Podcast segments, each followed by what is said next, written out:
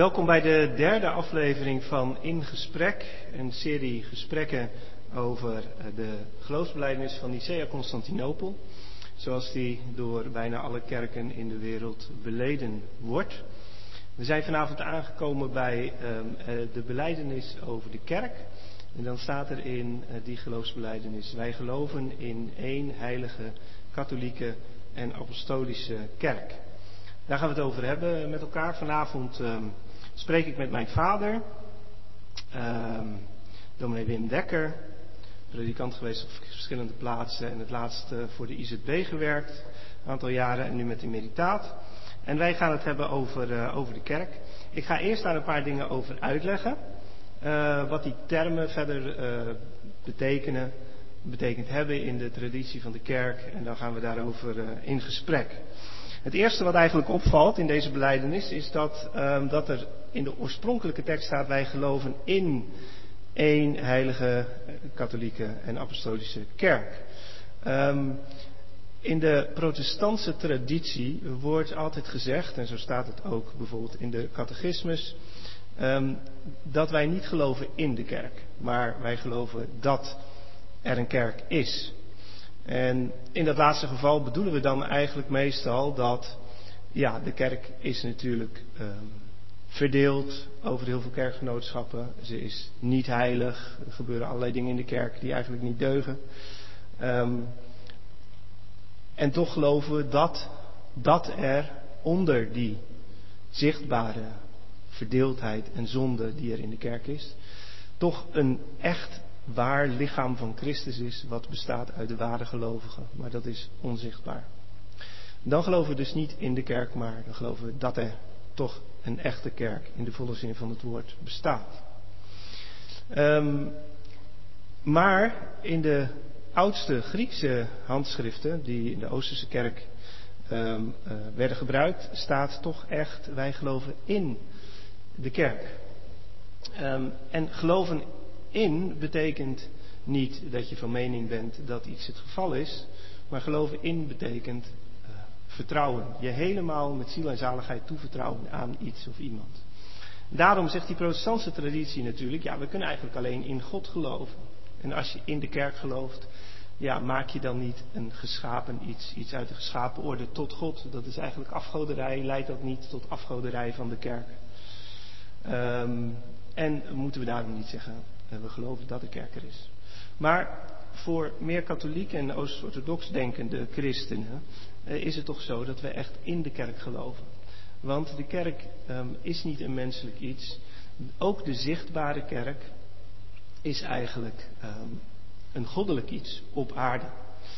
Uh, het is Gods geschenk aan de mensen, het lichaam van Christus. En door de sacramenten uh, krijg je ook echt het heil tot je. Buiten die kerk, buiten die zichtbare kerk is geen heil. Uh, zei een uh, oude bischop Cyprianus uit de vroege kerk.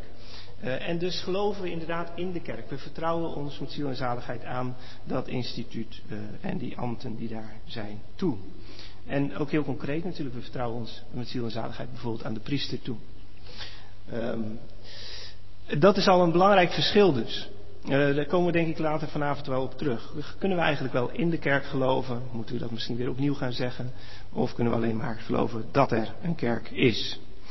Van die uh, kerk wordt dan vervolgens uh, in die beleidenis gezegd dat ze vier eigenschappen heeft. Dat, zo is dat de traditie ingegaan ook.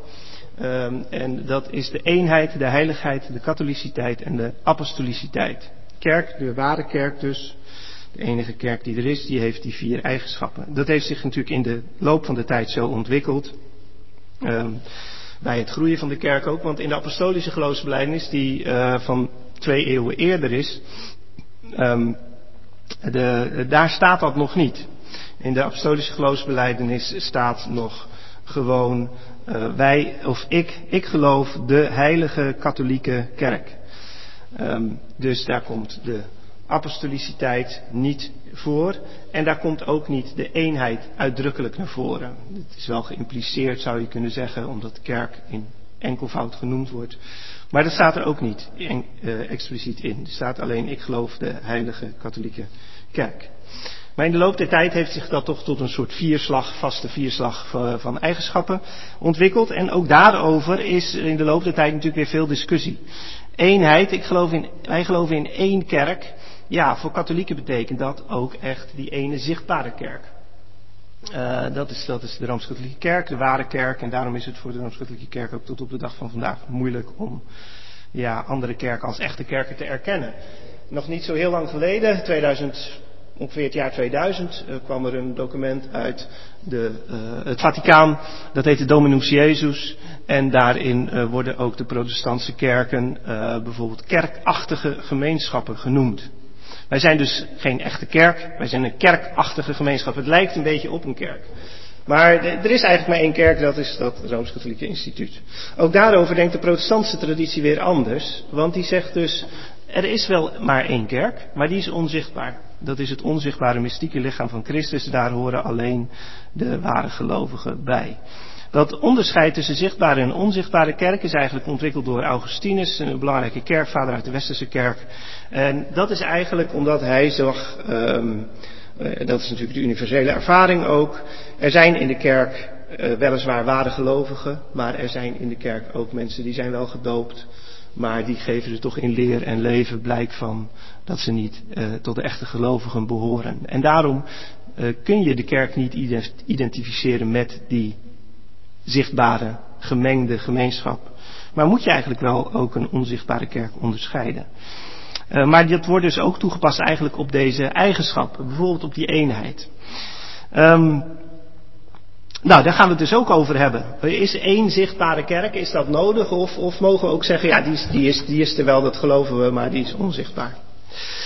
Um, dat geldt eigenlijk ook een beetje voor die volgende eigenschap, de heiligheid van de kerk. Ook daarvoor zou je kunnen denken dat de opstellers van de beleidenis dat toch wel ook als zichtbaar hebben bedoeld. Die heiligheid, ook de morele heiligheid, hè, dus de, ja, ehm, zondeloos kunnen wij christenen natuurlijk niet zijn, maar toch in ons gedrag, in ons leer en leven, um, zichtbaar ook heilig, anders dan de wereld. Uh, zoals de brieven van Paulus er ook al over spreken. Um, dat is natuurlijk op dit moment heel erg moeilijk geworden voor de katholieke kerk door alle misbruiksschandalen. Vooral omdat men om die heiligheid te redden ook nog een ander onderscheid heeft ingevoerd in de traditie. En dat is het onderscheid tussen de lerende en de horende kerk. Men heeft natuurlijk altijd wel geweten, ja, de horende kerk. Daarmee bedoelt men dan de gelovigen die luisteren naar het woord, die de sacramenten ontvangen. Ja, daar zit veel onheiligheid ook in. Maar de lerende kerk, dat wil zeggen de ambtsdragers, de paus, de bisschoppen, de priesters, um, die zijn wel degelijk ook ja, letterlijk heilig, afgescheiden van de wereld, anders levend, uh, levend vanuit speciale beloften ook, en um, die ze gedaan hebben. Um, maar nu is de onheiligheid, de morele onheiligheid door de misbruiksschandalen natuurlijk helemaal ook in die lerende kerk gedrongen. Wat natuurlijk ook voor de katholieke kerk dan een groot probleem is. Protestanten kunnen ook dat anders oplossen en zeggen ja die heiligheid hoeft ook niet zichtbaar te zijn. Sterker nog, wij zijn allemaal zondaren, dat zei Luther. Een, een, een gelovige is gewoon een, een zondaar, een gerechtvaardigde zondaar, maar niet minder zondaar. Dus die morele, eh, zichtbaar is de kerk gewoon net zo onheilig als de rest van de wereld. Maar in Christus is zij geheiligd. In dat mystieke lichaam. Um, die heiligheid heeft ook weer verband met nog een andere uh, eigenschap van de kerk die in de katholieke kerk ontwikkeld is. Uh, dat is de onfeilbaarheid. Ook daarin, hè, dat is ook iets van de heiligheid. Als de kerk iets zegt, dan is het waar. Um, dat heeft uiteindelijk in de 19e eeuw in de Rooms-Katholieke Kerk ertoe geleid dat de paus, op het moment dat hij echt iets leer, een leeruitspraak doet, dat hij dan onfeilbaar is. Maar ik las deze week, en dat was mij eigenlijk helemaal niet bekend, maar dat de protestantse traditie wel degelijk ook de onfeilbaarheid van de kerk leert.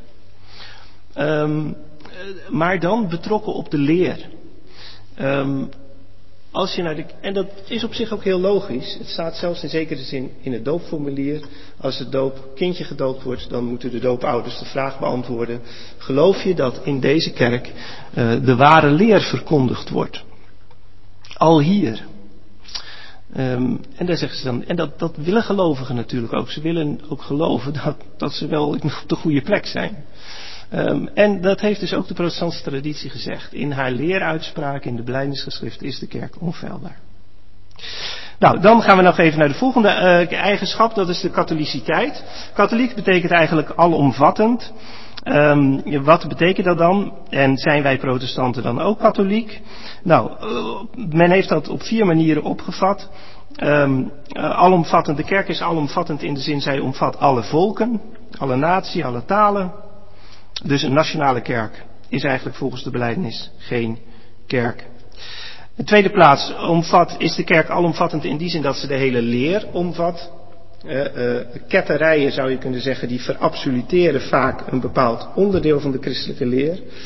Uh, en laten andere delen liggen. Maar de ware kerk die, die heeft, omvat de hele christelijke leer. Katholiek is de kerk ook uh, dan, zegt men, uh, omdat ze alle standen omvat. Is eigenlijk wel mooi, begint in het Nieuwe Testament al. Dat het bijzondere van het christendom ook was dat slaaf en vrije, die normaal gesproken gescheiden werelden uh, hadden, gescheiden levens leiden, die kunnen in de kerk, in één kerk bij elkaar zitten. Ook daarin is in de loop der tijd wel wat veranderd natuurlijk. Wij zijn een beetje een middenklasse kerk geworden en allerlei soorten mensen ontbreken nu. Dus ook die, in die zin zijn we eigenlijk niet katholiek meer, ben ik bang. Um, en het vierde, wat men altijd met katholiciteit heeft verbonden, is dat je in de kerk vergeving kunt krijgen voor alle zonden. Dat is de katholiciteit. En de laatste eigenschap is dan de apostoliciteit. Um, dus de kerk heeft iets te maken met de apostelen. Maar ook daarin verschillen dan de Rooms-Katholieken en de protestantse uitleg van dat artikel weer heel erg. Want katholieken zeggen apostoliciteit betekent de lerende kerk. Dus de paus, bisschoppen, priesters, die stammen letterlijk van de apostelen af. Petrus was de eerste bisschop van Rome, heeft de handen opgelegd aan de volgende bisschop en zo heeft hij weer de handen opgelegd aan de volgende. Er is dus een apostolische successie, zo noemen we dat, een opvolging vanuit de ambten van die bij Petrus begint. Um, heel letterlijk, zichtbaar ook weer. Terwijl de protestantse kerken hebben gezegd, het kan best zijn dat die uh, bisschoppen en, uh, en, en, priesters allemaal uh, falen in die zin dat ze de ware leer niet prediken. Dan zijn ze helemaal niet apostolisch. Want apostolisch betekent dat wij trouw zijn aan de leer van de apostelen. En daarvoor is een letterlijke apostolische successie helemaal niet nodig. Maar het is veel meer een geestelijke traditie dat wij trouw zijn aan wat de apostelen hebben geleerd. Zoals het ook al in Handelingen 2 staat bij de kenmerken van de kerk die daar genoemd worden. Zij braken het brood enzovoorts en zij waren leren in, trouw in de leer van de apostelen. Nou, dat is eigenlijk wat, waar, het over gaat. Eén uh, zinnetje maar, waar je hebt wel door, we kunnen daar dagen over praten. Ja, maar dat gaan we nu ook even snel doen dan, want anders komen we er helemaal niet naartoe. Uh, nee. Ik begin even met een casus. We beginnen altijd met iets actueels, dat doe ik ook vandaag. Um, en vandaag begin ik met deze volgende casus. Um, ik kreeg een poosje geleden een foto van een gemeentelid um, die uh, bij een doopdienst geweest was. En er was een kindje gedoopt en daar kreeg ik even een foto van. En toen appte ik terug, de dominee die heeft helemaal geen toga aan. Nu is de doop niet geldig. En uh, dat bedoelde ik natuurlijk een beetje grappig, maar ik zag op die, op die foto eigenlijk niets wat aan een kerk deed denken. Uh, het gebouw zag eruit als een schuur eigenlijk. Kon je, elke mogelijke activiteit uh, kon je daar houden. Het doopvond was zelfs niet herkenbaar als doopvond. Dat net zo goed een schaal kunnen zijn of zo'n fruitschaal. En die, die dominee had geen toga aan. En dat roept dan toch de vraag op. Wat zijn eigenlijk de kenmerken van een echte kerk? Hoort daar een toga wil natuurlijk toch zeggen, wij staan in een traditie. Wat hier gebeurt is niet zomaar mensenwerk. Dus laten we daarmee beginnen. In de ware kerk draagt de geestelijkheid daar een ambtsgewaad. Wat, wat denk jij daarover? Uh, ja, zou ik wel denken. Niet dat de doop daarvan afhankelijk is. Dat is uh, net iets te ver, denk ik. Maar uh, wat je nu net schetst, zo, zo'n gebouw en zo'n fruitschaal en dan een pakje aan in plaats van een toga. Dat is natuurlijk alles bij elkaar. Een, een idee van, ja, volgens mij een heel verinnerlijk kerkidee van Uh, de geest woont in ons hart en uh, wanneer we samen bidden en liederen zingen, dan is dat ook uh, de geest en zo. Maar de uiterlijke vormen die zijn eigenlijk heel, helemaal niet zo belangrijk. Je vraagt je dan af waarom de doop dan nog wel heel belangrijk is, want het is ook toch een symbool. Dus um, bedoel, het heilige van God wordt gerepresenteerd in uiterlijke vormen. En ook doop. Het is water, gewoon water, en het, maar het is geheiligd en afgezonderd in de dienst van God genomen. En, en krijgt een hele bijzondere betekenis. En omdat dat zo is, denk ik, dat alles eromheen ook um, het karakter mag dragen van dat het gewijd is op de een of andere manier. En ja, dat gewone pakje van C en A. Kijk, een toga um, die wij dragen, die zwarte, die jij ook hebt met zo'n beft nog, heb je ook nog. Ja, dat is natuurlijk het ambt van de geleerden of de rechters en zo. Dat is in de 19e eeuw opgekomen in de hervormde kerk. Omdat ze vonden dat de dominees toch wel bij de geleerde stand hoorden. Vind ik niet zo sterk. Uh, een wit gewaad maar het wordt is natuurlijk ervaren als een ambtsgewaad. Ja, maar een wit, wordt... een wit gewaad van een priester is beter.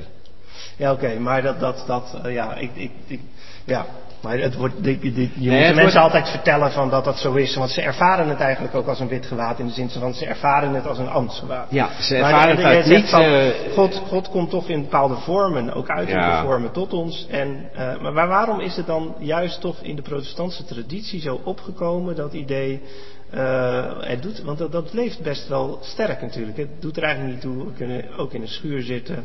Eh, we, kunnen, eh, eh, ja, we kunnen ook aan de keukentafel misschien wel zitten. En, en, en, en, en, en als het dan over Jezus gaat en we bidden inderdaad oprecht dan, en de Heilige Geest is daar, dan is daar toch ook kerk. Wat, wat, wat, Nou ja, het is niet katholiek, dus van de vroege kerk, wat je Nee. allemaal uitgelegd Nee. hebt. Het is Nee. ook niet reformatorisch.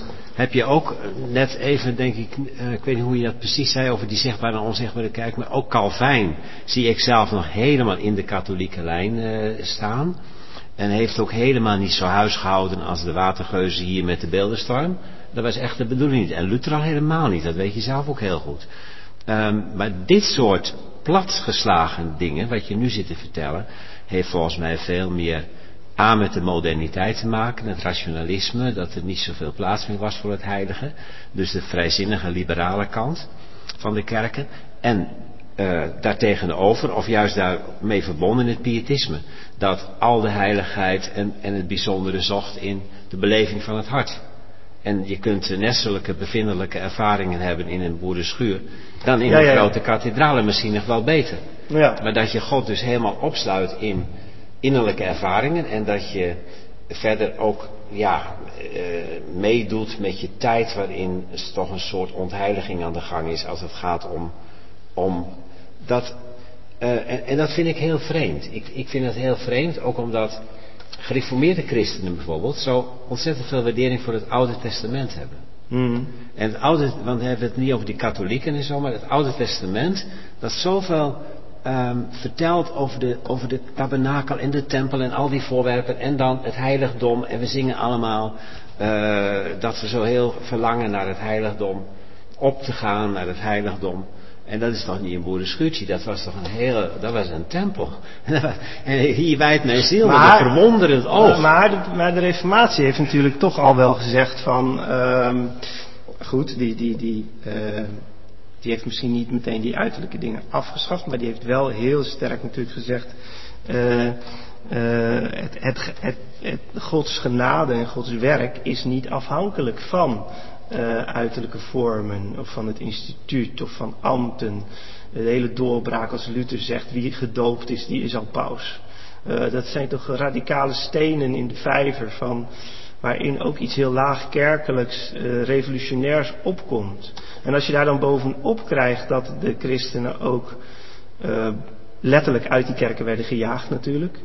Schuilkerken moesten ontstaan, eh, dus ze moesten ook hagepreken houden eh, en, en hadden geen gebouwen. En hebben daarin natuurlijk ook ervaring vastgehouden. Ja, die priester die zit nog mooi bij zijn wierook. Wij zitten hier hagepreek te houden, maar hier is God. Dan hebben ze daarin ook wel eh, heel primair al de ervaring opgedaan. Ja, het godswerk is ook niet afhankelijk van, eh, van dat hele instituut dat ook, enzovoort. nee, dat, Toch? dat is ook heel mooi. Dat zie je. Ja, nee, dat is ook heel mooi. Dat zie je natuurlijk in de Bijbel ook. Hè? Dus dat, wat dat betreft er is steeds. Ja, de Bijbel zelf en de hele kerkgeschiedenis zijn natuurlijk heel leerzaam. Eh, van God is gelukkig niet ergens in te vangen. Staat nooit met zijn rug tegen de muur. Wat moet ik nu? Eh, dat dachten ze in de ballingschap. Ja, alles is weg. Eh, zit hij hier in Babel, waar is God? Ja, Ja. Hij is veel groter, zegt de profeet. Hij is de schepper van de einde der aarde. En nou ja, kijk naar de sterren en zie hoe groot hij is. En dan blijkt dat hij daar ook is. En dat vinden ze allemaal heel bijzonder. Hè? Dus dat, en, en, en dus dat God niet gebonden is aan bepaalde vormen en tijden. En dat God soms ook, dat geloof ik ook nog wel, dat God soms ook nog een keer met de wind er doorheen blaast, de hele bol ondersteboven gooit, omdat wij eh, de vormen vergoddelijkt hebben. Dat, dat we, en de uiterlijke dingen zijn gaan hangen. Dat was natuurlijk ook eh, met de reformatie eh, het geval, met die katholieke Mhm. kerk. En, en, en dus de, de, het instituut en de hiërarchie en de vormen, dat dat een soort verhaal op zich werd. Nou ja, ook dat vind je in de Bijbel terug. Dat vond ik altijd zo'n mooi verhaal. Van die koperen slang, weet je dat? Mhm, ja. Die werd een keer verbrijzeld, hè? Dat ken ik, dat verhaal. Ja, maar dat is toch apart. Dat, die slang die moet opgericht worden. Jezus gebruikt later bijvoorbeeld ook nog een keer. Er zijn al die mensen genezen. Ja. Maar Hiskia die vermorzelde hem. Dat er geen sikkepitje Ja. meer van overblijft. Ja. Omdat de mensen dat beest zelf waren gaan vereren. Ja. Maar kijk, het is nu, als we het naar wat naar het heden toetrekken, denk ik, ik weet niet hoe jij daar, daar, daar tegenaan kijkt, maar ik denk dus dat wij nu in deze seculiere wereld, waar bijna geen verwijzingen meer zijn naar het heilige. Heel erg nodig hebben dat we die plekken weer inrichten. Dus ik denk ook heel contextueel over al die dingen, dat, dat weet je, Hmm. van in welke tijd, in welke situatie. En dan is de Bijbel, eh, ja, daar komen steeds weer die dingen uit naar voren. Dat je zegt van, Ja. de verafgoding is een punt, maar ook ehm, het heilige wel echt achter. En dat zie je bijvoorbeeld meteen na de die zin naar, naar twee kanten kunnen we in die Ja, zin. naar twee eh, kanten. En eh, ik denk dus nu, Ja. als het nu gaat, ik vind nu dus die polemiek van de reformatoren opvoeren, vind ik helemaal fout signaal. Ik vind nu dat we weer nodig hebben, heilige plekken. Je komt bij de kerk, je neemt even je hoed af, net als een katholiek. Ja. Je komt binnen, je gaat knielen. Je zet hier, in plaats van die stoeltjes, ja, die stoeltjes, maar ook weer knielbanken neer. Ja. Het heilige terugbrengen. Ja, toen wij in, eh, toen wij in, in Tübingen in Duitsland eh, studeerden, bij de Lutheranen daar, als daar de mensen de kerk binnenkwamen, eh, dus gewoon een protestantse kerk, maar dan eh, de- toch, dan gingen ze op hun plek staan. Dan sloegen ze een kruis, de meer traditionele Lutheranen staan natuurlijk gewoon nog een kruis. En dan, dan ja, knielden ze volgens mij zelfs, sommigen. En dan waren, deden ze een soort stil gebed. En dan gingen ze zitten. Dat is, wel, dat is echt een heel, heel duidelijke uiting van ik ben nu op een heilige plek. en dat zijn was, wij eh, natuurlijk helemaal kwijt. In mijn jeugd was het ook zo. Ik, eh, dat is heel- Maar ze sloegen geen kruis, denk ik. Nee, geen kruis. Maar ze gingen staan. Dus ze kwamen de kerk in, was stil. Orgel begon pas een paar minuutjes van tevoren te spelen. Er zat ook niet te babbelen over de buurtnieuwtjes. Nee. Niemand. Je kwam binnen, de mannen gingen dan een poosje staan. Ja, En in stilte bidden en dan gingen ze dus zitten. ja. En ik was zo'n jongetje van een jaar of tien. En ik zat naast mijn vader. Maar ik was nog niet groot genoeg om ook te mogen staan en te bidden. En dat deed ik toen toch een keer stiekem. En ik dacht, wat zal er nu gebeuren? Misschien word ik afgestraft of gaat er iets heel ergs gebeuren. Maar het was niet zo. Hij vond, hij vond het wel vreemd. Maar hij vond ook wel eerbiedig dat ik het gedaan had. Je vader vond het Ja. vreemd. Of de, ja, ja. Ja, hoorde niet. Nee. Dus de volwassen mannen Want deden dat. dat, maar kijk ja. zo, ja maar nu ben jij ben weer Ja. wat jonger en ik ben dit verhaal ook alweer bijna vergeten. Mhm. Wij denken ook vaak dat wat de laatste 30 jaar bij ons zo was, dat dat van de eeuwen is. Hè? Dat is niet zo. Nee, nee, nee, nee. nee. Dus, dus, dus men had toen toch nog wel meer besef van, dit- ook het gebouwde plek als het ware. Veel Het is het huis van God. Veel meer. Ja, ja, ja. Maar ik moet zeggen, maar dat hangt natuurlijk ook wel echt van, bijna van, eh, daar gaan we het niet over hebben, maar dat hangt wel bijna van de architectuur af, hè. Eh, in de zin van, eh, de, de, heel veel moderne kerken roepen wat dat betreft ook helemaal geen besef van heiligheid meer op. Dat is heel erg. Eh, dat, dat is in die zin ook bijna qua architectuur vraagt dat ook iets natuurlijk. Om dat ook te laten zien van je bent nu ook op een bijzondere plek. We hebben hier nu een kruis hangen, dat vind ik al een hele verbetering, want eerder, eerder hing er ook niks hier. Ja, er zijn natuurlijk wel nieuwe kerken ook uh, waar uh, architecten die er gevoel voor hebben echt uh, hun best voor doen. maar ja, ik, ik, vergeet nooit, ik weet niet of jij er geweest bent in Rouen, de kerk mm. van Jeanne d'Arc, op het Marktplein, waar ze ooit verbrand is. En dat is een moderne Rooms-Katholieke kerk. Ik denk al de keren dat we in Rouen geweest zijn, ging ik er weer even heen, omdat ik het zo'n, het is zo'n gewoon modern gebouw. En het ademt in alle hoeken en nissen iets bijzonders, heiligheid. Hmm. Dus dat kan. Hmm. Maar je moet wel willen natuurlijk. Ja, er zijn voorbeelden van. Ik heb in Duitsland, ook in Berlijn, een prachtige, prachtige hele moderne kerk gezien die dat opriep. Ja. Um, Oké, we, we, we, moeten even ook, uh, we moeten natuurlijk ook een beetje naar de tijd kijken. Um, we, we, gaan even, even verder. Uh, laten we beginnen bij. Um,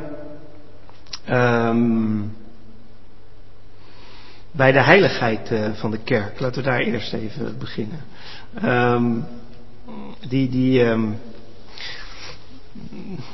die, heeft hier natuurlijk al direct mee te maken. Van roept het, roept het gebouw, roept het iets, iets heiligs in je op. Hè? Um, en heilig is dan, ja, staat tegenover alledaags. Heilig staat natuurlijk ook tegenover, um, tegenover werelds. Um, ja, je hebt die, katholieke traditie die die heiligheid dus ook eigenlijk letterlijk heeft uh, gezien, denk ik, en ook heeft proberen te borgen door de lerende kerk en ook door de monniken en nonnen die een heilig leven leiden, uh, die geloften hadden gedaan, die echt zich letterlijk van de wereld hadden afgescheiden door het benoemen van heilige mensen, heiligen tot wie je ook kunt bidden, uh, met dat alles heeft de protestantse traditie toch gebroken eigenlijk. Uh, en in de protestantse traditie zie ik nu ook heel sterk een beweging die zegt heilig in de zin van afgezonderd van de wereld, dat de kerk als het ware een muur heeft. Daar is men ook helemaal niet zo voor. De kerk is vooral kerk voor de wereld, moet vooral kerk in de wereld zijn. Um, men, men, men, um, men ziet dus ook alle heiligheid als het ware als een, bijna als een missionaire belemmering vaak. Uh, hoe, hoe vind jij dat we de, de, heiligheid van de kerk dan hoog moeten houden? Dat begint ook al met die toga. Als ik daar met collega's over dus spreek, dan zeggen ze dus, wat, wat zeggen ze dan? Dan zeggen ze vooral als eerste, een toga schept afstand. Ja. dus, dus, um, en wij moeten dus in de wereld en voor de wereld er zijn. Um, dus ja, hoe zie je dat? Nou, ik denk dat het al allebei. Dat is, ik, ik denk dat, je, dat het een misverstand is. Dat je zegt van heilig in de zin van helemaal toegewijd aan God, betekent dat je met je rug naar de wereld gaat staan. Als God heilig is bij uitstek, ik de Heer uw God ben heilig, dan, dan leren we tegelijk van Hem dat Hij totaal toegewijd is aan deze wereld. Uh, zijn heiligheid staat in dienst van uh, dat, hij, uh, dat hij zich geeft en dat hij, dat hij onder ons aanwezig wil zijn. Als hij met zijn heiligheid zich in de hemel had teruggetrokken, was een ander verhaal. Maar nu is hij met zijn heiligheid bij ons aanwezig, terwijl hij weet dat hij aan alle kanten daardoor bezoedeld zal worden. En zijn heilig kind Jezus heeft hij in de handen van moordenaars gegeven. Dus dat zijn geen tegenstellingen. Um, die, die, die kerk... Maar als je toch niet, we willen toch geen, u wilt toch niet terug naar heiligen bijvoorbeeld, toch? Jawel. Heiligen? Ja. In de katholieke zin? Ja, echt oh. heiligen. Oké. Ja, maar dat is, dat is allemaal van de vroege Dat, dat we mensen zo gaan benoemen? Ja. Uh, ja, dat, dat vind ik. Waarom dan? Daar ben ik erg voor. Nou, als, als Misschien dat je zelf. Als ik, voorbeeld. Ik denk niet dat je zelf kans maakt trouwens, maar uh, als nou je ja, dat, ook denkt. Dat, maar misschien na je dood. Je wordt altijd pas na je dood heilig. Ja, niet? absoluut. Da, en dan wordt het ook mooier gemaakt.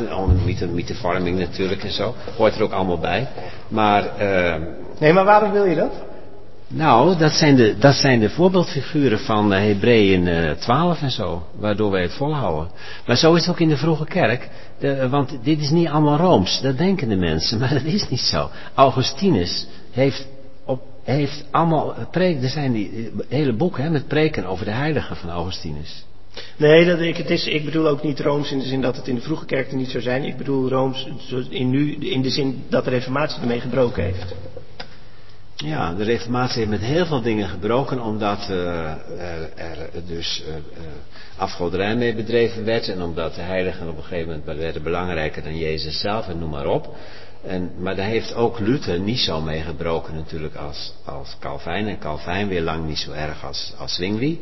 En, en de maar dat zit ook in de structuur van, de, van, de, van, de, van, de, van het denken natuurlijk. Kijk, want, want jij noemt heilige voorbeeldfiguren. Ja. Maar in de katholieke theologie tot op de dag van vandaag zijn het natuurlijk veel meer dan dat. Ze hebben overtollige goede werken gedaan. Dat, dat leer, wordt nog steeds geleerd. En door die overtollige goede werken, die kunnen ons weer ten goede kunnen komen.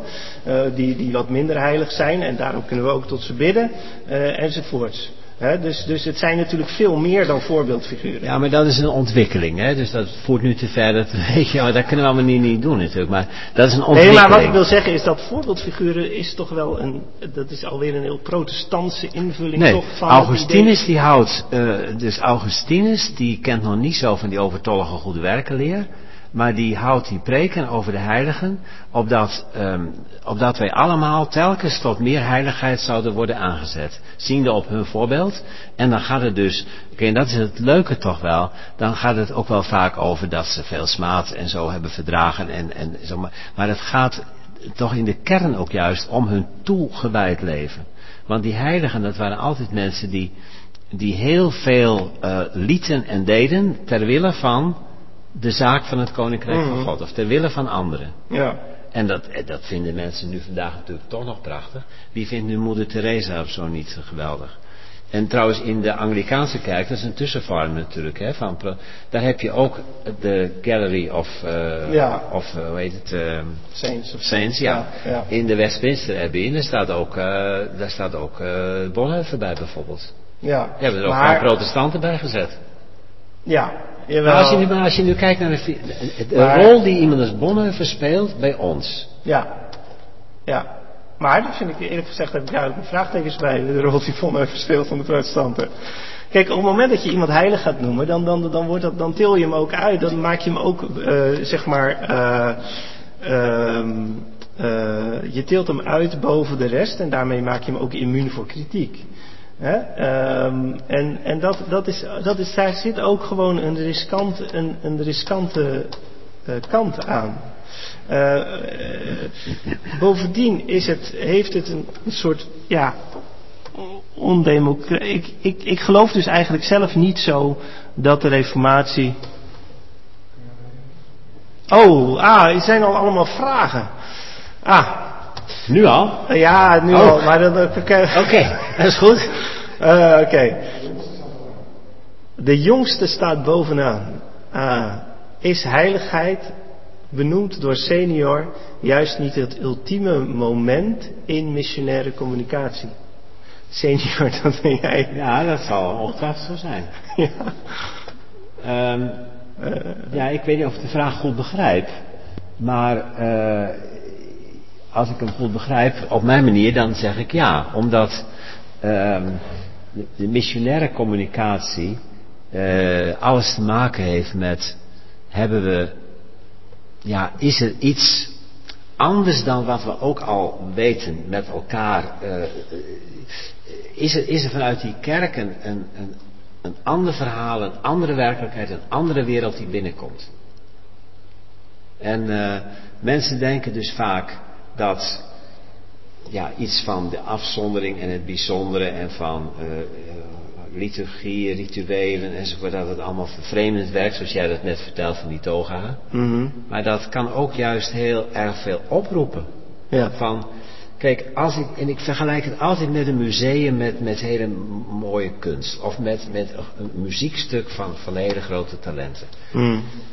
Als ik daarmee in aanraking kom, dan word ik uitgedaagd om een level hoger mezelf uh, te ontwikkelen. En mm. mezelf uh, opnieuw uit te vinden in het licht daarvan. Mm. En als ik naar iets ga wat ik allemaal al weet, dan is het saai. Dus je, je wordt toch, je wordt toch uitgedaagd door, door wat, wat van de andere kant van God komt. En als het gepaard gaat met betrokkenheid op mensen natuurlijk. Hè?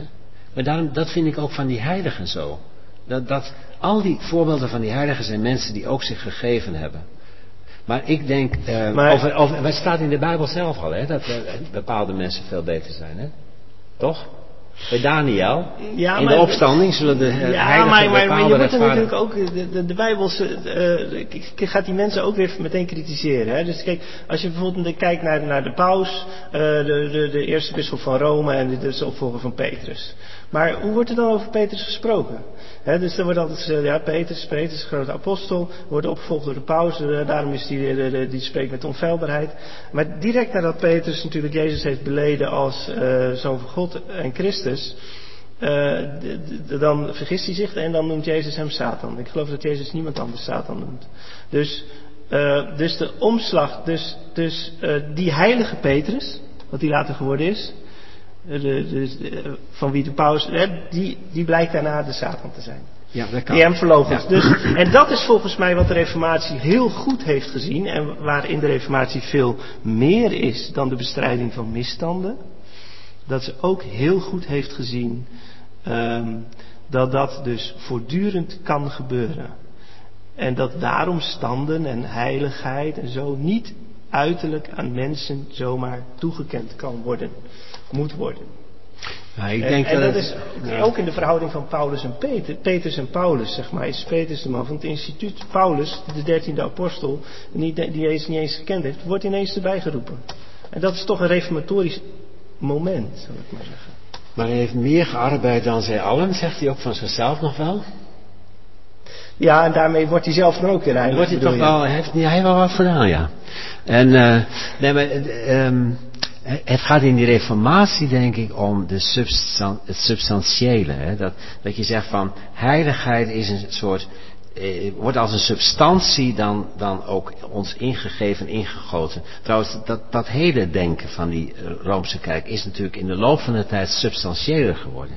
Hmm. Terwijl het volgens mij in die vroege kerk, bij Augustinus en zo, nog veel relationeler is. Dat substantiële denken over de gratia infusa, de ingestorte genade, en dat het dan eigenschappen worden en dat je door die eigenschappen veel beter bent dan anderen, dat is volgens mij ook een latere ontwikkeling.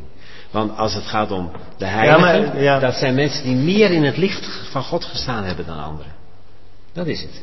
Ja, maar eh, goed, eh, we, we gaan dit afronden, maar het laatste, laatste punt nog. Ja, ja. Kijk, eh, ik denk dus dat het echt in de Reformatie meer is. Dat het ook een, een verzet is tegen hiërarchie. Dat het dus een democratische doorbraak ook is.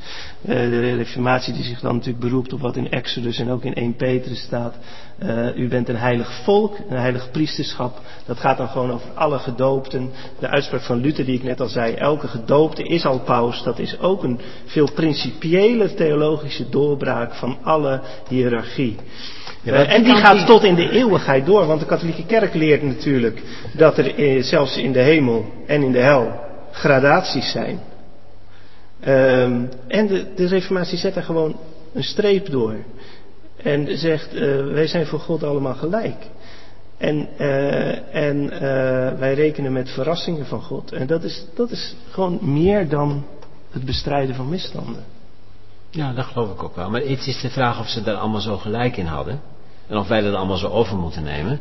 Maar dat geloof ik wel. Maar kijk, wat jij zegt over, en dan is dat hele gedoopte volk is ineens heilig. Ja, Dat is, dat, dat is een democratisering, kun je dat noemen. Vind ik een beetje modern woord, dat doe ik dan liever niet. Maar het is een on- onttroning van een verkeerd soort hiërarchie, dat kun je wel zeggen. Maar het is tegelijk ook een enorme opwaardering van ehm, de doop bijvoorbeeld. Als ehm, ja. dat iedere gedoopte eh, heilig is. En dus ook eh, niet pas door wat hij allemaal hoeft, eh, misschien nog doet of niet doet, maar dat hij dus bij het heilige volk van God hoort. En dat geeft ook een geweldige opwaardering, vind ik, voor hoe wij ons ehm, doop eh, bijvoorbeeld beleven en eh, heiligheid. En misschien dat we daarop door kunnen gaan, dat onderwerp nu. Heiligheid of niet? De heiligheid hebben we nu gehad. Ja, he- nou ja, de heiligheid meer van... De morele heiligheid. Ja, de morele, De morele heiligheid, ja. Ja. Zijn hoe heilig is die kerk? In die kerk, in die kerkgangers hier eh, in, in wat ik zei. He- Heilig in de zin van de, ja, ja, ja ik, ik zit ook naar de tijd te kijken en we moeten ook, Ja. moeten ook nog meer doen. Eh, we laten dat even liggen, de, de morele heiligheid. Tenzij je er nu nog iets over, eh, eh, wilt zeggen. Nou, maar- ik denk dat het heel belangrijk is dat al die mensen hier in de kerk eh, beseffen wat het is dat ze gedoopt zijn. Ja. Dat ze daarom heilig zijn. Heilig zijn of heilig moeten zijn? Heilig zijn en ook heilig moeten zijn. Maar dat wat je eventueel daarvan terechtbrengt of niet, dat dat altijd vers 2 is. Ja. Je bent in Christus geheiligd en daarom als, nou, dat staat allemaal in je doopformulier ook. En heilig is toegewijd, is, je hebt een bijzondere plek. Ja. En dan vind ik in het dagelijks leven, nou dan moet je ook zeggen, sorry, hier ga ik niet heen, want ik ben gedoopt. En ik wou nu dat dat jonge mensen ook eens meer zeiden, hè. Dat vinden ze natuurlijk zo overdreven en stom om te doen, ben ik bang. Wa- wa- Wat Nou, als ze uitgenodigd worden voor een of ander raar feestje of zo. Sorry, ja. sorry, ik ben gedoopt. Ja. Ik denk niet dat ze dat zo gauw zeggen. Ze zouden sowieso eerder zeggen, als ze al iets zeggen, sorry, ik ben christen. Ik, ik geloof. Oké. Dus die dat gedoopt zijn als Nou. er gebeuren wat aan jou voltrokken wordt. Oké, dat is ook goed. Dat is ook goed. Dat is ook goed. Maar het heeft met die doop te maken. Ja, ja. En niet, ik, ben, ik voel dat ik zo gelovig ben. Nee, ik hoor hier niet bij. Ik hoor bij wat anders. Ja, ja, ja, ja. Ja. Goed, we gaan nog, eh, we gaan, eh, moeten nodig gezien de tijd nu toch naar de eenheid van de kerk. Wat zijn al die vragen? Ja, die zijn, maar die komen straks weer terug. Oh. Denk ik. Ja. En dan gaan we ze beantwoorden. vragen zijn. Ja. Dus Nou, de vragen zijn weg, maar die, maar de, de resterende vragen gaan we zo doen. We gaan even naar de eenheid van de kerk. Ehm, ja. Vind jij dat een probleem, dat er veel, kerken, veel kerkgenootschappen zijn? Ja. Dat vind ik een gigaprobleem. Waarom? Misschien zitten in al die, kerken, al die verschillende kerken gewoon vrome mensen. Die, gewoon- en die, die, die, die, die, die, eh, die lezen de Bijbel allemaal en ze bidden en ze kennen de Heer Jezus. Nou, dat is prachtig. Kerkachtige gemeenschappen, hè, zei de katholieke kerk toch? Ja. Ja, ik, eh, veel kerkachtige Nee, gemeenschappen. maar ik denk, dat, ik denk dat dit punt ook voor heel veel, eh, veel, veel ik, ik, ik merk ook bij categorisatie geven natuurlijk, ehm, het punt dat er maar één zichtbare kerk zou moeten zijn, krijg ik eh, aan, eh, aan catechisanten, eh, ook beleidingscatechisanten, maar ook voor volwassenen, ik, ik krijg ik mij heel moeilijk uitgelegd. Dat, dat, ze, draaien het eerder om. Ze zeggen het is, toch prachtig die diversiteit en is er voor elke kerk. voor, elk, voor elk wat wil, voor elke kerk die, die bij jou past. Is dat, dat is toch het mooiste wat er is eigenlijk? Hoe zou jij dat klinkt verdedigen? toch helemaal niet goed? Nee, maar wat, hoe zou je dat verdedigen? Van er moet één zichtbare kerk zijn. Eén eh, één doop, één God en Vader van allen, één eh, geloof. En dus ook één kerk. Ja, Paulus, eh, Paulus hamert toch constant op die eenheid. Eh, dat er geen verdeeldheid onder jullie is, dat je zelfs niet zegt ik ben van Apollos of ik ben van Cephas of zo. Eh, is maar, is maar, en, en, en als hij als hij jubelt over de gemeente, wel, Efes is natuurlijk de brief over de gemeente, dan is het toch juist dat, eh, dat het één geloof, één doop, één God en Vader en dat de tussenmuur is weggebroken. Dus katholiciteit, hè, wat Jood en Heide betreft en dan slavenvrij en alles wat jij straks ook genoemd hebt. Mhm. Dus al die dingen die jij straks genoemd hebt over katholiciteit, Mhm. die zijn toch niet uit de duim gezogen, die zijn, eh, die zijn uit de Bijbel. Ja. ja, maar... En, en één God, nee, nee, even serieus. Kijk, één God. Eén, dus wij geloven in één God, hè? De, Hmm. Nicene. En in één Heer Jezus Christus. ja. Dan staat er niet in één Heilige Geest, dat is een foutje denk ik. Maar wel, wel dan in één kerk weer. Eén doop tot vergeving der zonden. ja. Eh, Dat is toch. Dus er is. Nou kijk, en dan kun je zeggen, Ja, maar- wij zijn allemaal verschillende mensen en we beleven het anders. Dus dan krijg je ook wel dat je variëteit zoekt. Maar ik heb, kijk, mijn punt is, iedereen die christen is, hoort in één kerk. En als je zegt, ja, dat is nu historisch allemaal zo gegroeid en misschien ook, nou ja, we lopen elkaar soms ook in de weg, dan moet er een open avondmaal zijn tussen al die gemeenschappen. ja. En ik heb vrede zodra ik aan elke avondmaalstafel welkom ben. En ook vooral bij die katholieken die me nog steeds weigeren.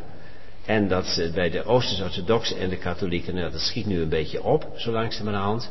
Daar moeten ze ook nog even flink aan werken, maar dat schiet op. De Lutheranen zijn ze ook al een eindje verder mee. De Calvinisten nog veel verder weg. En dan heb je al die groepen en, en, en, en zo die allemaal maar hun eigen gang gaan. En afgescheiden kerkers die menen dat ze alleen in hun kerk zaligmakende woord brengen. Fout. Um, je mag best accenten leggen, maar het is één, laten we dan zeggen, het is de ene tafel van de ene Heer. Hmm, hmm. Maar dat, dat, daar ben ik het dus helemaal mee eens. Maar eh, dat is, vind ik dus echt wel een verschil en echt wel iets anders dan één instituut. Eén tafel? Ja, ik vind dus, dus en eh, dat zou bijvoorbeeld ook, uh, maar ik zou dus inderdaad zoeken naar bijvoorbeeld, en dus, zoiets vind ik bijvoorbeeld ook kanselruil. Dus dat je, dat je op een bepaalde manier elkaars ambtsdragers erkent. En daar dus, uh, dat dus uitdrukking geeft door inderdaad het avondmaal met elkaar te kunnen delen. De doop wordt gelukkig al erkend door de meeste kerken onderling. Maar dat je dus woord en sacrament, dat je dat ook, ook in praktische zin deelt. Elkaar ambtsdragers als echte ambtsdragers erkent. Dus van elkaar ook erkent dat je echt in de volle zin van het woord kerk bent en niet een kerkachtige groep. Uh, dus in de wederzijdse erkenning en, uh, en zo, en het gedeelde avondmaal. Maar dat is, dan, dan hoeven we verder niet te fuseren. Nee, maar dit is nog een hele bak huiswerk die je nu Nee, natuurlijk. Dat is een hele bak huiswerk. Dat, dat, dat begrijp ik. Maar ik heb toch ook, en dat is misschien ook, ook dan modern, uh, modern, maar ik denk een moderne intuïtie, bij, die denk ik wel klopt, uh, bij eenheid, is eenheid betekent ook macht. En betekent hiërarchie. En betekent dus eigenlijk ook altijd vormen van onderdrukking. Dus. Um, ja, dat, is, uh, dat, dat, dat, snap ik. Ja, ja, dat snap en, ik, ja. en dat, zo Ja. werkt het ook in de. In de hè, dus wij zijn ook een, een democratie. Wij, hebben niet een, wij zijn geen monarchie. We hebben niet een koning. En daar ben ik ook heel blij dat we geen koning hebben. Die alleen maar ministers heeft die hem dienen enzovoorts. Dus, dus eenheid met, met een eenhoofdige hiërarchie uiteindelijk. Uh, um, ja, dan kom ik toch weer op de reformatie. Die heeft daar ook gewoon, uh, ook, ook, daar was ook een machtsprobleem. Uh, en dat, dat krijg je ook, dat krijg je weer terug met één instituut. En daarom zou ik daar ook echt niet naar terug willen.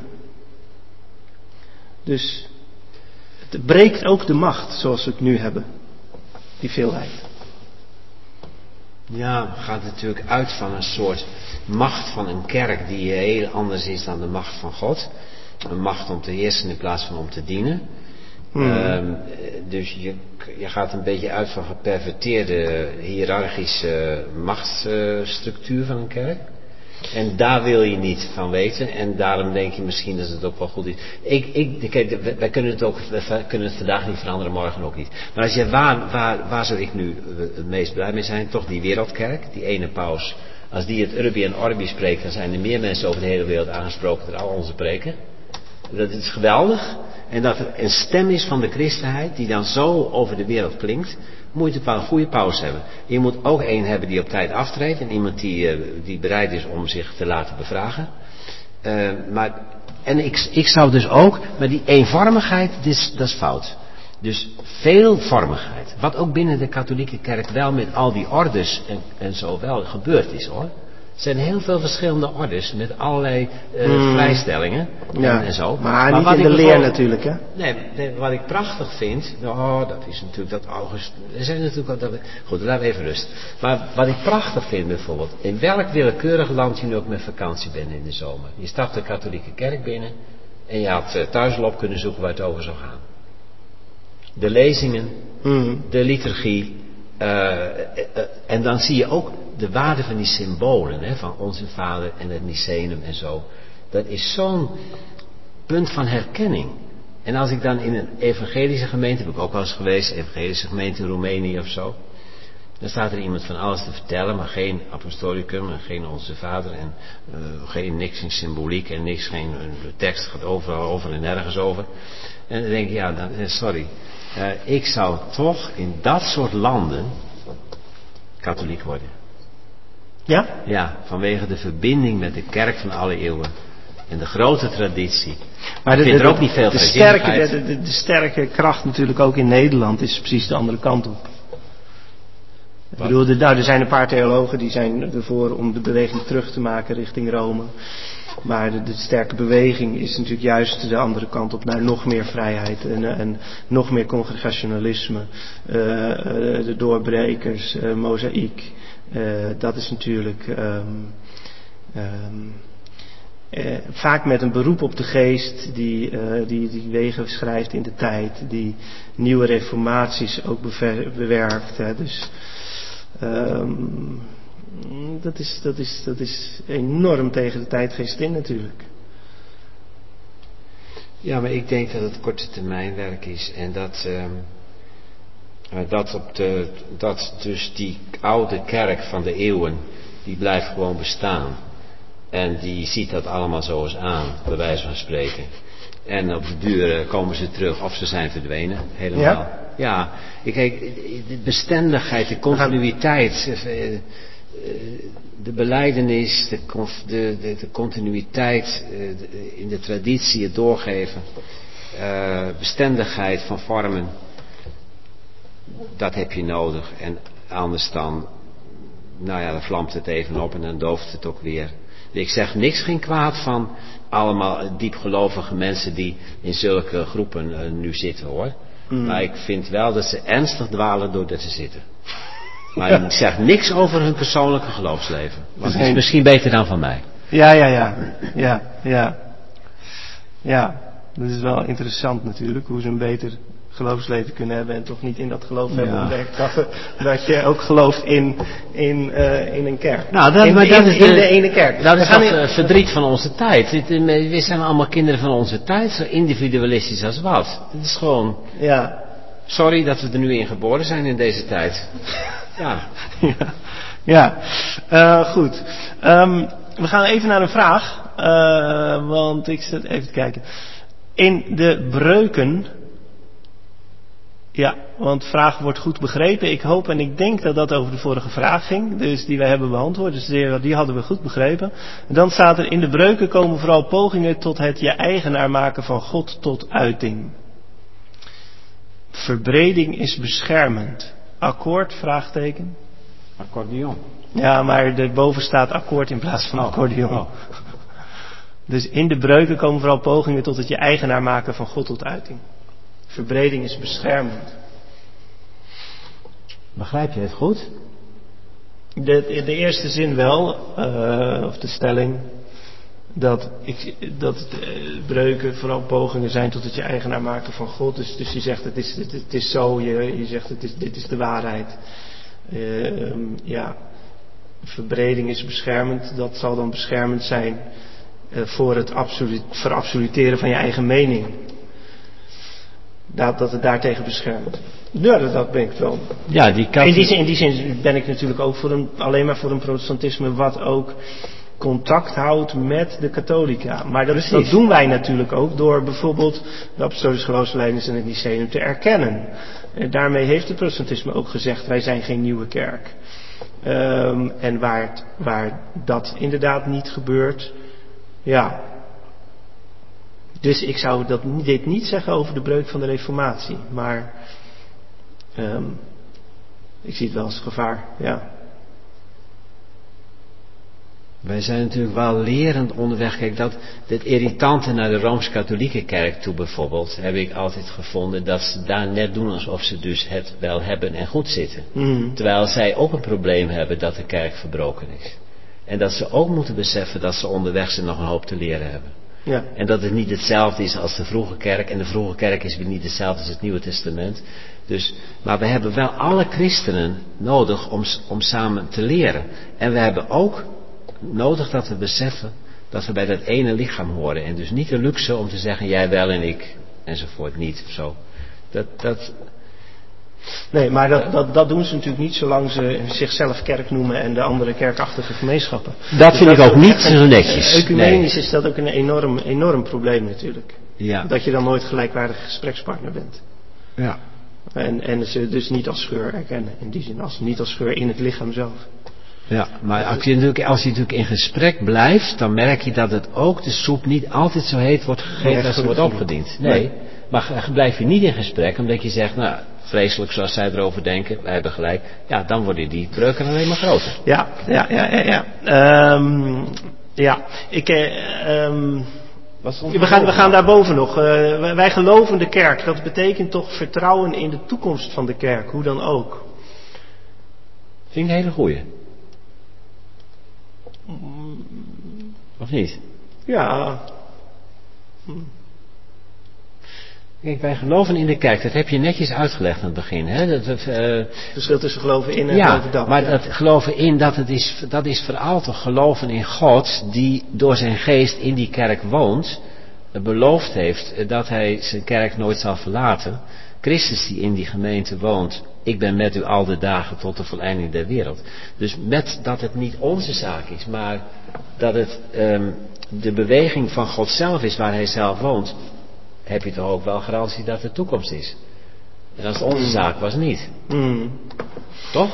Ja, nou, ik denk, ik denk dat geloven in. ehm, eh, de- geloven in de kerk staat dan in de, in de belijdenis naast geloven in God. Dat, dat wil toch ook zeggen, dat wil niet alleen zeggen van eh, geloven dat God in de kerk werkt. Maar dat betekent volgens mij in die belijdenis ook echt, ik vertrouw me. Zoals ik me aan God toevertrouw, zo kan ik me ook helemaal aan de kerk toevertrouwen. Want in die sacramenten bijvoorbeeld komt echt het heil van God tot mij. En, en dan begrijp ik zelf toch wel dat de, dat de Reformatie heeft gezegd, ja, dat, dat gaan we zo niet zeggen.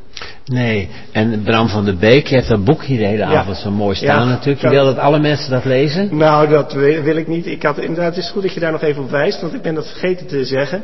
Als u een soort boek bij deze serie wilt lezen, dit boek van Rikhoff en van de Beek eh, is een mooi boek waarin artikel voor artikel het Lyceum, geloofsbelijdenis van Nicea, wordt uitgelegd. Ehm, dus het is een leestip bij deze serie. Ja, en het leuke is natuurlijk dat Rickhoff is katholiek en Van der Beek is protestant. En allebei van de degelijke soort. Ja. En ze zeggen er is geen verschil Ja. eh, in geloof, want wij kunnen blind zo die eh, hoofdstukken, en mensen hoeven niet te weten wie het geschreven heeft. Maar ik vind zelf dat Van der Beek dan toch een beetje protestantsachtig ook dit uitlegt.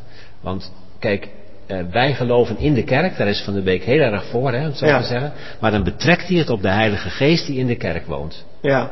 En jij zegt, je vertrouwt je ook aan die kerk toe als Ja. een moeder Ja. bij wie je schuilen mag en zo. Dat zegt Van de Beek niet, maar ik denk wel dat er veel katholieken zijn die dat wel zo beleven. Ja. En dan zit je ook weer op het randje dat je toch het menselijke en het goddelijke door elkaar gaat Ja, halen. ja, ja, ja.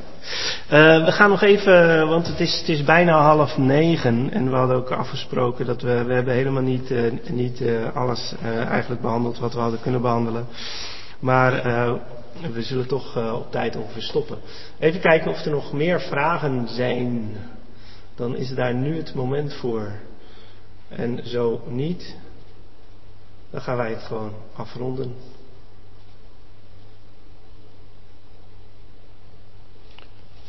Als er op dit scherm niks meer komt, dan is het klaar. Ja, Nou, dat is het. ja, het is niet klaar, eh, maar ik denk wel, je hebt het eh, begin- in het begin mooi uitgelegd natuurlijk, ook wel die verschillende dingen. En dat het eh, veel stof geeft om verder over na te denken. Wat, wat, had je, wat, wat hebben we vergeten waarvan je zegt dat zou eigenlijk eh, moeten? Dat doen we nu niet meer dus, maar nog even voor... eh, Ja, wat, wat, welk huiswerk is niet gemaakt? wel, waar we het ook over hadden kunnen hebben. Nou, ik had eigenlijk. ehm, ehm, we, heb- we hebben het. ehm, helemaal niet gehad natuurlijk over de katholiciteit van de kerk. Ja. De eenheid. De eenheid, dat is een beetje geïmpliceerd in de eenheid. Ehm, maar ik vind ook wel, wij worden steeds, dat is een ander probleem, maar wij worden steeds minder katholiek, niet alleen in de wereld gezien, maar ook burgerlijk gezien, maatschappelijk gezien. Ehm, ik denk dat de kerk, het valt mij op dat er in de kerk de mensen steeds meer ongeveer maatschappelijk tot dezelfde laag behoren, dezelfde soort beroepen doen. Ja, ja. De tijd zeg maar dat de, gewoon de metselaar en de hoogleraar natuurkunde in één kerk zaten. Ehm, nou, om maar te zwijgen van de allochtoon, autochtoon. Eh, ook, ook sociaal, maatschappelijk gezien zijn wij eigenlijk niet goed in. Dat ervaar ik wel als een probleem. Ja, er is Ah. nog een vraag? Kijk, Ehm, bij, oh ja, uh, Dekker, bedankt voor deze interessante avond. Dat is al sowieso mooi. Wie God tot zijn vader heeft, heeft de kerk tot zijn moeder. Is dat een slogan of is die waar? Ja, eh, een beroemde uitspraak. Van wie is die ook alweer? Die God, die God, uh, die God tot, wie... tot, vader heeft, moet de kerk tot moeder hebben. Dus dat, er nog dat ietsjes. Uh, volgens mij als Cyprianus. Cyprianus al? Ja. Nou ja, in ieder geval uh, inderdaad uh, is dat, heeft de kerk tot zijn moeder, is dat, ja, ja. Is het een slogan of waar? Ja, nou ja, dat is de vraag. Hè. Ik, ik, ik, ik vat hem zo op dat hij ook ingaat op het probleem van kun je ook geloven zonder de kerk? En uh, dan zou ik zeggen, hij is waar. Hè. Dus, dus je kunt, als je God hebt ontdekt, dan kom je ook bij zijn lichaam en dan kom je dus ook bij de kerk. Uh, en een geloof, waarvan je zegt, ja, ik geloof wel, maar dat doe ik gewoon op mijn eentje. Op mijn eigen manier. Dat kan niet. Dus nee, wie, God, die... bij God hoort, hoort ook bij het volk van God. Ja. Ja, en die moeder, daar zit natuurlijk al wel een beetje in wat jij net een Ja. beetje bang voor was. Hè? Dat je Ja. toch te veel, want je gelooft in je moeder. Ja, als je in je vader gelooft, geloof je ook in je moeder. Vader en moeder zijn ook Daar heeft gelijkwaardig. Calvijn bijgeschreven nog. Want Calvijn nam het wel over ook, hè? Oh ja, ja. Uh, professor Graafland heeft een boekje geschreven, De Kerk als Moeder, en dat gaat dan over Calvijn. Ja. Maar dat voert nu te ver, want Calvijn had er wel een beetje kritiek op, inderdaad in die richting, zoals jij dat zegt, van het moet niet natuurlijk uh, een soort uh, verafgoding worden, want de kerk hoort bij de uiterlijke middelen van het heil, die hadden natuurlijk toch een beetje weg, Calvijn haalt de Ja. kerk toch een beetje weg uit het centrum, maar ze neemt wel dit over. Van, dus, want dat afgesche- afgescheiden denken, of denken dat je ook op je eentje kunt geloven, daar was natuurlijk Calvijn een vierkant tegen. In die Mm. uh, discussie met die dopers. Mm. Al die mensen die vandaag zo denken zoals wij ze nu tegenkomen, zijn dopers. Ja. Niet gereformeerd. Calvijn moest er niks van hebben. Calvijn wilde ook zelfs niet, dat heb ik altijd heel opmerkelijk gevonden, dat mensen tot de reformatie overgingen in een, in een stadje of zo, als niet het hele stadje ging. Ja. Hij wilde geen reformatorische clubjes. Nee. Hoezeer hij ook van zijn eigen gereformeerde leer overtuigd was. Ja. Ja, dus dat, dat individualisme is Dat wel is gewoon... zo modern. Dat is zo modern. niet, dat dat, kende Paulus niet, dat kende Calvijn niet, dat kende... Daar zitten wij mee opgezadeld. Ja, oké, goed. Ik denk eh, dat we even kijken. Dus, dus ehm, ehm, we hebben verder nog iets. eh, Ja, we, we, we, we hebben het belangrijkste gehad. Volgens mij. En we zijn, eh, we hebben een uur gepraat. Dus Genoeg, lieve mensen. Jullie worden zeer bedankt dat je het geduld hebt om dit allemaal eh, tot je te nemen. Echt. ja, bedankt eh, voor het eh, meekijken en meeluisteren. En mochten de collega's gekeken hebben, dan weet je dat je nu verplicht bent een ambtsgewaad aan te schaffen. Ik heb nog wel een tip van waar je dat kunt doen. In Rotterdam is het een goeie. Daar heb ik hem zelf gehaald. En Een witte mag ook, heb je gehoord. Eh, maar zonder mag niet. Bedankt voor het kijken en tot de volgende keer. Ja, leuk.